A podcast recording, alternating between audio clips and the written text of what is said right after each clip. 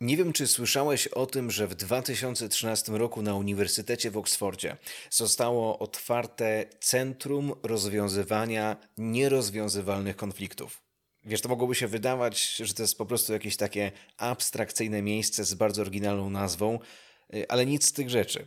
Takie miejsce naprawdę istnieje i ma dziś realny wpływ na przezwyciężanie konfliktów społecznych, które wydarzają się w różnych częściach świata. Tych najcięższych, w szczególności wojennych, gospodarczych i politycznych. W ubiegłym tygodniu miałem okazję poznać i posłuchać wykładu jednego z założycieli i głównego lidera tego centrum, Johna Lorda Alderdyce'a. I dziś opowiem właśnie nieco o nim więcej. To co? Startujemy. Witam Cię w podcaście poświęconym jedności i charyzmatycznej odnowie Kościoła. To przestrzeń, która łączy ludzi, szczególnie tych, którym nie wszystko jedno, a którzy są gotowi w swoich domach, miejscach pracy i wspólnotach wiary budować mosty, łamać uprzedzenia i odważnie służyć odnowie Kościoła. Jedność to nie opcja, to szansa. Nie tylko w kościele, ale też w naszych relacjach i społeczeństwie. Przekonaj się o tym i dołącz do społeczności ambasadorów jedności oraz tych, którzy pragną duchowej odnowy Kościoła w Polsce. Podpowiem Ci, jak to zrobić. Zapraszam. Karol Sobczyk.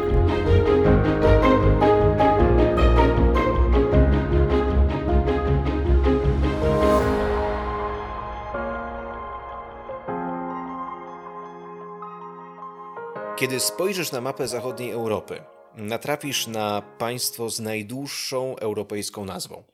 Wiesz, jakie to jest państwo? To jest państwo, które nazywa się Zjednoczone Królestwo Wielkiej Brytanii i Irlandii Północnej. Dokładnie tak. Wielka Brytania to jest wyspa, na której znajdują się kraje Anglii, Walii i Szkocji, ale Irlandia Północna jest położona w północnej części wyspy Irlandia. Dlaczego zatem Irlandia Północna nie przynależy do Irlandii? Zastosowanie jednej nazwy dla określenia wyspy i jednej nazwy dla państwa nie było bezcelowe. Ono miało na celu podkreślenie integralności Irlandii, Irlandii Północnej i pozostałej części wyspy, jako jednego organizmu państwowego. Ale jednak od średniowiecza, kiedy cała wyspa Irlandia znalazła się pod panowaniem Królestwa Anglii, zaczęły się problemy. Problemy z tą północną częścią wyspy bo w XVII wieku rozpoczęło się tam zasiedlanie Irlandii przez ludność angielską i szkocką, a ziemię dla osadników zdobywano, usuwając z nich właścicieli, właścicieli irlandzkich. A ziemię dla osadników zdobywano, usuwając z nich właścicieli irlandzkich. To zapoczątkowało wrogość między Anglikami a Irlandczykami, która w sposób szczególny dotyczyła tak naprawdę różnic religijnych, ponieważ Irlandczycy byli katolikami, zaś Anglicy i Szkoci głównie protestantami. Liczne bunty i powstania doprowadziły do tego, że w 1921 roku Irlandia została uwolniona spod kontroli Wielkiej Brytanii e, i dążyła do utworzenia niepodległej Irlandii.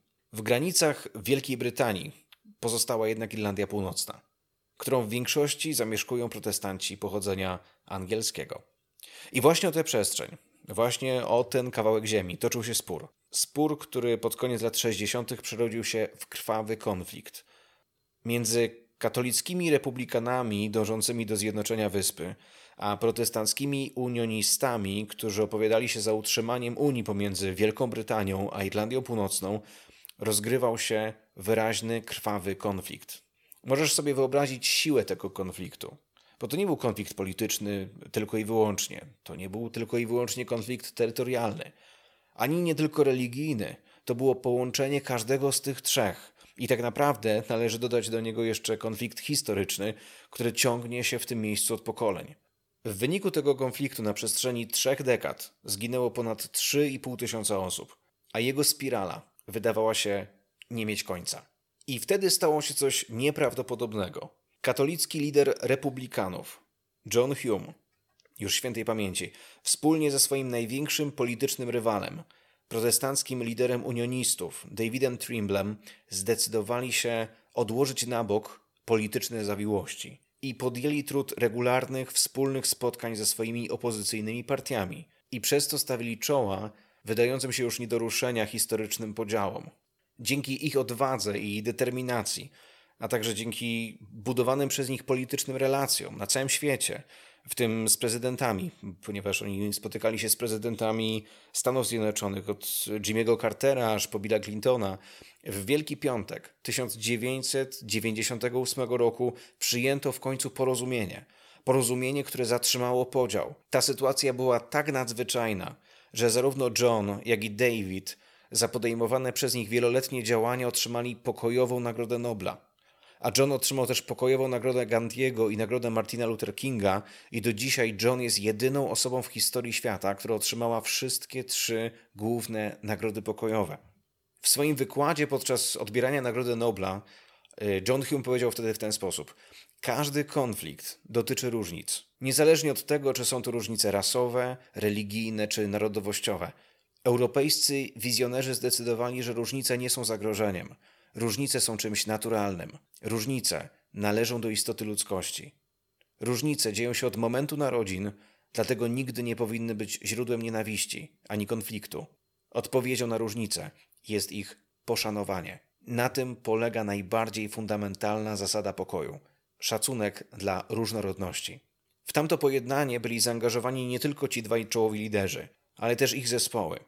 Po stronie Davida Trimbla kluczową postacią był John Lord Alderdice. On jest obecnie starszym pracownikiem naukowym w, na Oxfordzie, w Harris Manchester College. Dlatego, mając doświadczenie tego niezwykłego przełomu w jego własnym regionie, w Irlandii Północnej, dzisiaj dużo podróżuje, aby przemawiać, konsultować się, aby rozmawiać, negocjować i pracować nad rozwiązaniem gwałtownych konfliktów politycznych w różnych częściach świata, e, szczególnie na Bliskim Wschodzie. I cieszę się bardzo, bo w ubiegłym tygodniu miałem okazję go poznać. Jest niezwykle ciepłym człowiekiem, cierpliwym, ale też stanowczym i pełnym determinacji. Widać, że jest człowiekiem pokoju. Zamieniliśmy kilka zdań na temat wykładu, którym dzielił się podczas Dni Jana Pawła II w Krakowie w obecności kilkudziesięciu profesorów i doktorów naukowych różnych krakowskich uniwersytetów. Mówił na temat pojednania i na temat dialogu. Powiedział, że dialog nie polega przede wszystkim na tym, co mówisz polega na tym, co słyszysz. Dodał też, że kluczem dialogu jest ciekawość, ciekawość drugiego człowieka, ciekawość w tym, aby zrozumieć jego drogę, e, którą się kieruje. A odnosząc się do konfliktu w Irlandii, zostawił wszystkim zgromadzonym lekcję. Powiedział w ten sposób, i to jest coś, co bardzo wziąłem z tamtego wydarzenia. Powiedział tak: Musimy pamiętać, że wspólny chrzest nakazuje nam robić coś wspólnie.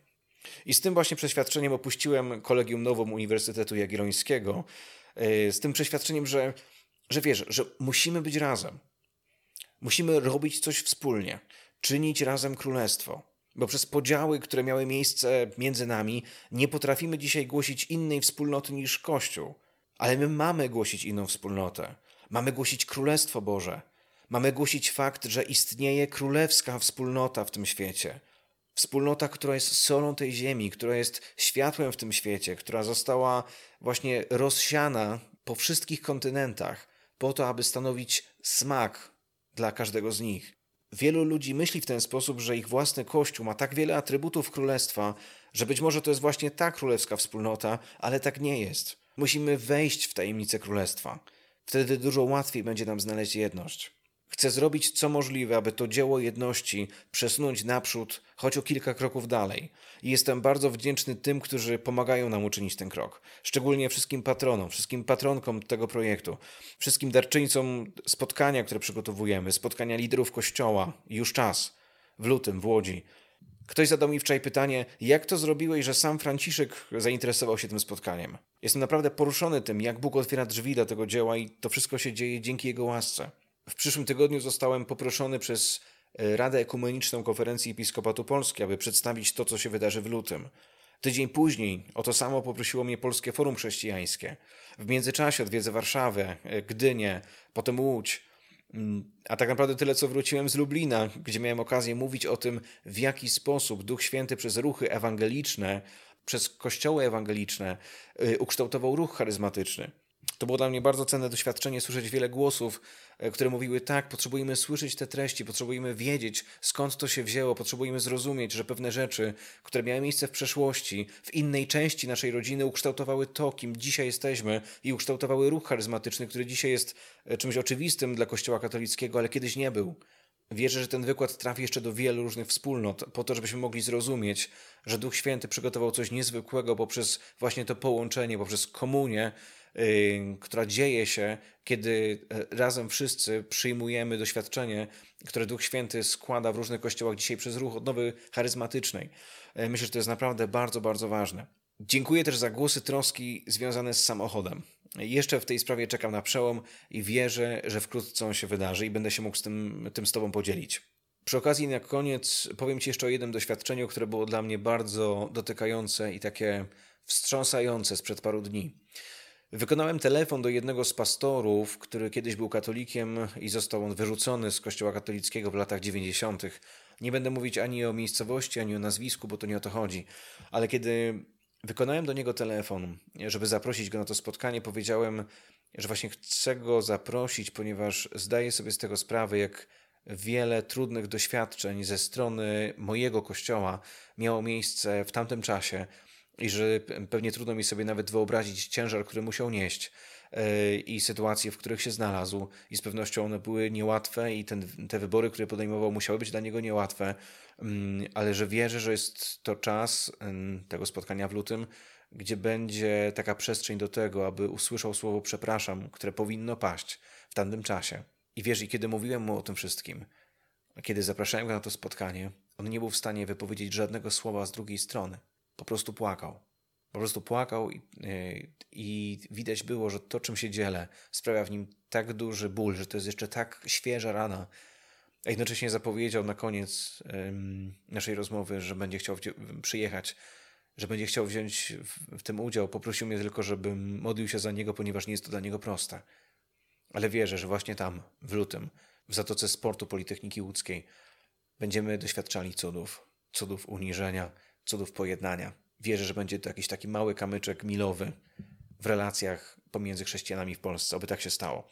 Przy okazji na koniec, Pamiętaj o naszych mediach społecznościowych. Na naszym Facebooku, na naszym Instagramie znajdziesz zawsze aktualne treści, to co się dzieje na bieżąco, to co e, przeżywamy, to czym żyjemy, to co jest na ten czas e, znaczące z perspektywy jedności. Ale też pamiętaj o tym, aby na to spotkanie w Łodzi zaprosić Twojego biskupa, Twojego pastora, Twojego prezbitera, Twojego lidera. E, informacje na temat tego wydarzenia znajdziesz na stronie www.juszczas.org. Tam też znajduje się formularz z zapisami, z możliwością zgłoszeń. E, te zgłoszenia chcemy zbierać do około 10 grudnia, a później będziemy już rozsyłali zaproszenia na to spotkanie do każdej osoby, która wcześniej się zgłosi.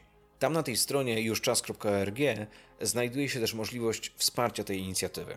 Do zamknięcia budżetu spotkania, które rysuje się na 3 dni, od czwartku wieczorem do soboty wieczorem, z wieloma gośćmi, też zagranicznymi i tak dalej.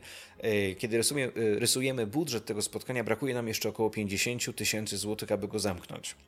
Każda, nawet najmniejsza kwota przybliża nas do tego celu. Ostatnio swoje finanse, czy byłem bardzo dotknięty, okazał jeden z ewangelicznych kościołów z północy naszego kraju.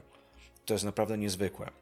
I wierzę, że tak jak mówił John Allardyce, wierzę, że razem nam się uda. Wierzę, że kiedy będziemy robić coś wspólnie, to to będzie miało zupełnie inny efekt. Wierzę, że tak będzie też w tej sytuacji. Usłyszymy się za dwa tygodnie. Pozdrawiam Cię serdecznie. Do usłyszenia. Shalom.